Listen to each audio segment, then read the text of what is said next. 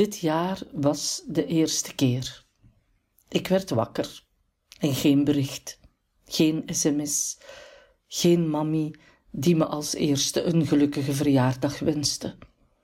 Dus huilde ik echte, bittere tranen. Eerst in mijn eentje onder de douche, daarna in de armen van Edward. Het leek alsof ik niet kon stoppen. Toch raken tranen op. Bij mij was dat na een half uur. Buiten waaide storm Dennis even hard als de storm in mijn hart. Ik had me de rest van de dag ellendig kunnen voelen. Daar had ik bewust voor kunnen kiezen, toch koos ik niet voor tranen. Ik weet niet waar ik wel voor koos. Daarvoor was de hele dag te dubbel. Genieten zat erbij, veel lachen, met mijn ogen dicht in de toch wel warme wind staan. Glaasjes bubbels, apero-hapjes voor veertig en we waren maar met vijftien. Pizza's in de oven, mijn allerbeste vrienden nog eens zien, mijn aller, allerbeste vriendin die me een van de mooiste brieven schreef over onze 25 jaar durende vriendschap. Af en toe krakte het. Toen ik Louis ging halen bij vaar Rudy. Hij is daar dit weekend voor het eerst blijven slapen. Hij heeft genoten. Samenwerken in de tuin, de mols hopen platrijden. Niet dat het veel hielp. De mol had vrienden opgetrommeld om gedurende de nacht evenveel hopen bij elkaar te maken. Spek met eieren eten, even bijpraten met Rudy, skikleren sorteren en uitkiezen. We stapten in de auto en huilden allebei, omdat jij er niet was. Ondertussen waaide de storm harder. Ik was ervan overtuigd dat je zou komen spoken. Ik dacht dat mijn verjaardag echt de ideale dag zou zijn om je belofte waar te maken. Dus toen ik s'avonds moe in mijn bed kroop, plofte er iets in mijn hart. Ik wist, je zal niet komen spoken. Niet nu, niet later, gewoonweg niet. Ik zal je tegenkomen op andere momenten. Een vriendin zei dat we elkaar in de stilte ontmoeten. Ik denk dat ik je vooral in de storm ga tegenkomen, wanneer het hard waait en mijn verdriet een uitweg vindt wanneer de omgevallen bomen metafoor zijn voor omgevallen muurtjes rond mijn hart, wanneer de weggewaaide takken betekenen dat het langzaam breekt, dat verdriet, wanneer de regen even hard vloeit als mijn tranen. Als het stormt, zal het goed zijn, want na de storm en regen komt altijd zonneschijn.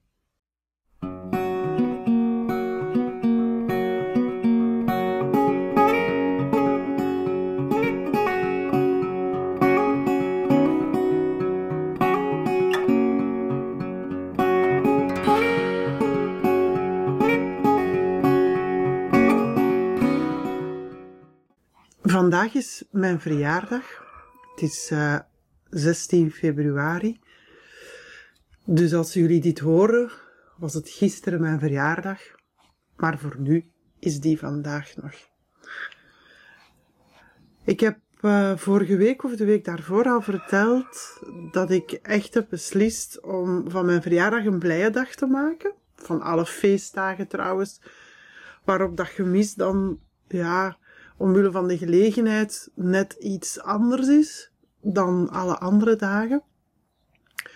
Maar dat is een dag die nooit gelukkig start. Daar moet ik ook echt heel eerlijk in zijn. Het is niet zo dat ik s'morgens uh, uit mijn bed spring. Ik probeer dat wel, maar dat, dat lukt nog niet. Nog niet. Ik denk dat dat wel gaat lukken, maar dat lukt nog niet. Ik mijn eerste gedachte morgens is altijd mijn mama. En dat komt omdat zij, net zoals ik, ook een hele vroege opstaander was. Uh, ik ben lid van uh, de 5 AM Club, zoals ze dat zeggen. Um, en ik denk dat zij ook altijd rond ja, tussen vijf en zes opstond. Dus mijn allereerste verjaardagsberichtje kwam altijd heel erg vroeg. Dat was er eigenlijk altijd als ik opstond. En dat is natuurlijk niet meer sinds dat zij overleden is. En dat is iets, iets heel klein en iets, misschien voor sommigen iets heel onnozel. Maar voor mij is dat een wereld van verschil. Het feit dat er geen bericht is, uh, s'morgens. Dat is iets dat mij nog altijd naar mijn keel grijpt en waar ik toch een half uurtje tot een uurtje voor nodig heb. Voordat dat besef, sorry, voordat dat besef dat zij er niet meer is, opnieuw is, is ja, ingedaald, dat dat weg is. Um, voordat ik dat verdriet daar rond, dat dat, dat dat verteerd is voor die dag. Ik denk dat dat voor een stuk ook te maken heeft met, ja, weet je, je zou kunnen zeggen van, allee Katrien, uw verjaardag, waarom? Dat is, dat is toch uw dag, maar voor mij is dat een, een dag waarop dat, um, mijn mama mij het leven schonk. En dat, dat is voor iedereen die jarig is. Dat is een dag dat mama's ons het leven schenken. Nadat we negen maanden geborgen zijn gedragen geweest. En ik had bij momenten een conflictueuze relatie met mijn mama. Dat had iets meer te maken met mijn rebels karakter dan met haar goede bedoelingen. Maar ik ben wel gedurende 45 jaar echt gedragen geweest. Oh, sorry, ik ga iets drinken, want ik heb een, een vervelende kriebel in mijn keel. Momentje, hè. Voilà. Hopelijk gaat dit beter zijn. En zo 45 jaar gedragen worden. Um, en dan ineens niet meer. Dan ineens jezelf moeten dragen. Zelf verantwoordelijk zijn. Uh, volwassen worden. Denk ik soms ook wel. Dat is tenminste hoe dat het voor mij voelt dat ik eigenlijk volwassen ben geworden op een dag dat zij daar niet meer was. Ik vind dat een moeilijke en ik blijf dat een moeilijke vinden. In mijn brief toen, drie jaar geleden, daar um, schreef ik in dat ik ervan overtuigd was dat ze, dat ze echt zou komen spoken. En ik was daar echt van overtuigd. Maar echt, hè. Dat was heel zot. Ik was daar echt van overtuigd. Ik heb dat een paar keer tegen Ed, mijn echtgenoot, ook gezegd. Als ze komt spoken is het vandaag, op mijn verjaardag. En, en ik ben heel um, bedachtzaam, nee, heel behoedzaam geweest die dag. Um, ik heb ook in mijn dagboek opgeschreven dat ik verwachtte elk moment dat er een foto van haar van de muur ging vallen. Um, ja, ik, ik verwachtte echt dat er, dat er, dat de glazen gewoon vanzelf gingen, gingen uit de kast vliegen of zo. Ik weet het niet. Of dat ik in de spiegel zou kijken en, en dat ik haar achter mij zou zien staan als een schim. Ik verwachtte echt een teken van leven. Wat dat onnozel is, want zij is overleden, dus zij, zij kan geen teken van leven geven. Dat is gewoon echt een tegenstrijdigheid. Maar ik had zo gehoopt dat er iets zou zijn waardoor dat ze mij kon laten merken dat, dat ze er op, op, op een of andere manier in in haar hoedanigheid, in hoe dat ze nu is, dat ze er, dat ze mij dat zou laten, ja, laten weten, laten merken, maar dat is niet. En ik, ik besefte ook echt die dag dat dat, dat, dat niet meer gaat gebeuren. Uh, dat ik haar op andere momenten zou tegenkomen. Ehm, de vriendin die zei dat we ehm, onze overledene in de stilte ontmoeten. Uh, die moet ik nu drie jaar later ook wel gelijk geven. Omdat het echt op die hele stille momenten is. Dat ze er ineens is. Ze ineens in mijn hoofd zit. Um,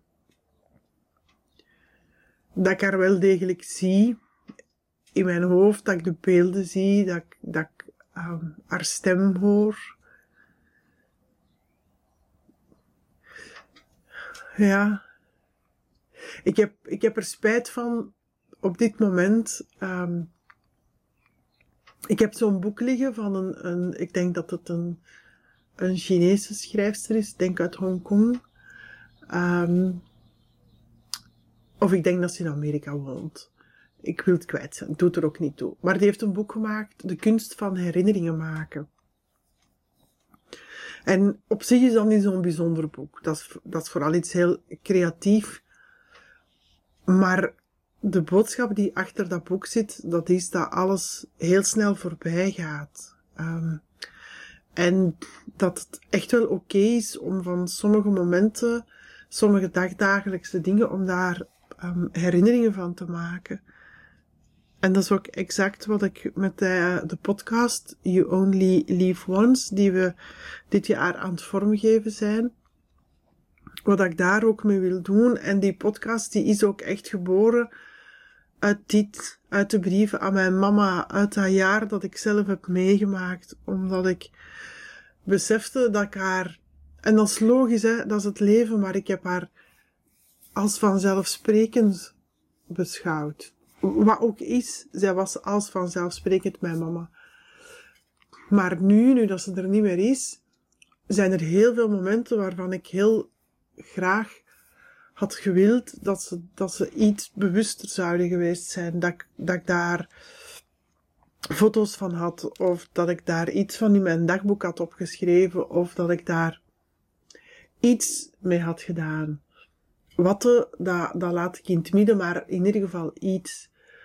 En dat boek, De kunst van herinneringen maken, geeft heel veel manieren om van, van gewone momenten en bijzondere momenten, om daar toch echt wel bewuste momenten van te maken, die, als je daar dan achteraf op terugkijkt, die wel heel levendig in uw hoofd en, en in uw oren terugkomen en, en waarvan je de beelden en de geluiden en de geuren en, en alles gewoon opnieuw als een film of als een verhaal in, in je gedachten ziet afgespeeld worden en waar dat je echt voelt van, ah ja, dat was dat. Dat je de dingen ook echt nog kunt voelen. En die podcast, You Only Live Once, um, dat is dus een podcast waar ik met stervenden um, in gesprek ga. En waar dat zij hun levensverhaal vertellen. En dat levensverhaal, dat wordt ook op papier gezet. En er worden ook foto's genomen. Er wordt ook een fotoboek van gemaakt voor de mensen die achterblijven. Dus eigenlijk is de bedoeling om daar een audiovisuele erfenis te gaan creëren. Um, idealiter zou daar ook een koffietafel bij leven bij komen. Dus dat de persoon die ja, stervende is, dat die eigenlijk zelf afscheid neemt van het leven en van, van de mensen rondom hem of haar. En niet alleen achteraf als die overleden is, de mensen, de achterblijvers, dat die afscheid nemen, maar dat dat een, wisselwerking is. Enfin ja, dat is een project voor, dat, dat is een, ander verhaal. Um, maar dat is, dat is hier uitgekomen, uit dit, uit het feit dat ik dat ik heel erg herinneringen aan mijn mama mis, omdat die niet volledig zijn. Of omdat ik die gewoon kwijt ben. Dat ik ook foto's zie en dat ik denk van, goh, ik weet eigenlijk totaal niet meer over wat het dit gaat of dit gaat. Ja. Dat is ook een van de redenen waarom ik mm, met mijn verjaardag ook echt wel, en met de verjaardag van mijn zoon en mijn echtgenoot, dat we ook echt wel heel speciale dingen doen. En met speciaal bedoel ik niet dat dat altijd heel groots moet zijn, maar de, ik probeer daar echt wel heel bewust mee om te gaan. En ik doe mijn best. Ik probeer ook heel bewust om te gaan met de verjaardagen van andere mensen. Maar het zit nu eenmaal oh, zo niet in mij om daaraan te denken. Dus ik moet daar echt um, um, reminders in mijn agenda voor zetten, die dan jaarlijks terugkomen. En ik zou bijvoorbeeld ook heel graag terug geschreven kaartjes willen sturen. Maar dat is iets waar ik dit jaar aan ga werken. Uh, ik vind dat zelf ook heel tof om geschreven kaartjes te krijgen. Maar mijn verjaardag dus, de, even stellen, um, vierde denk ik zonder mijn mama, hè. 20, 21, 22, 23, ja, de vierde verjaardag zonder mijn mama is heel vreemd. Blijft vreemd. Blijft, uh, ja, het blijft vreemd. En dat is het voor deze week. Ik zie of ik hoor jullie graag volgende week terug. Bye bye.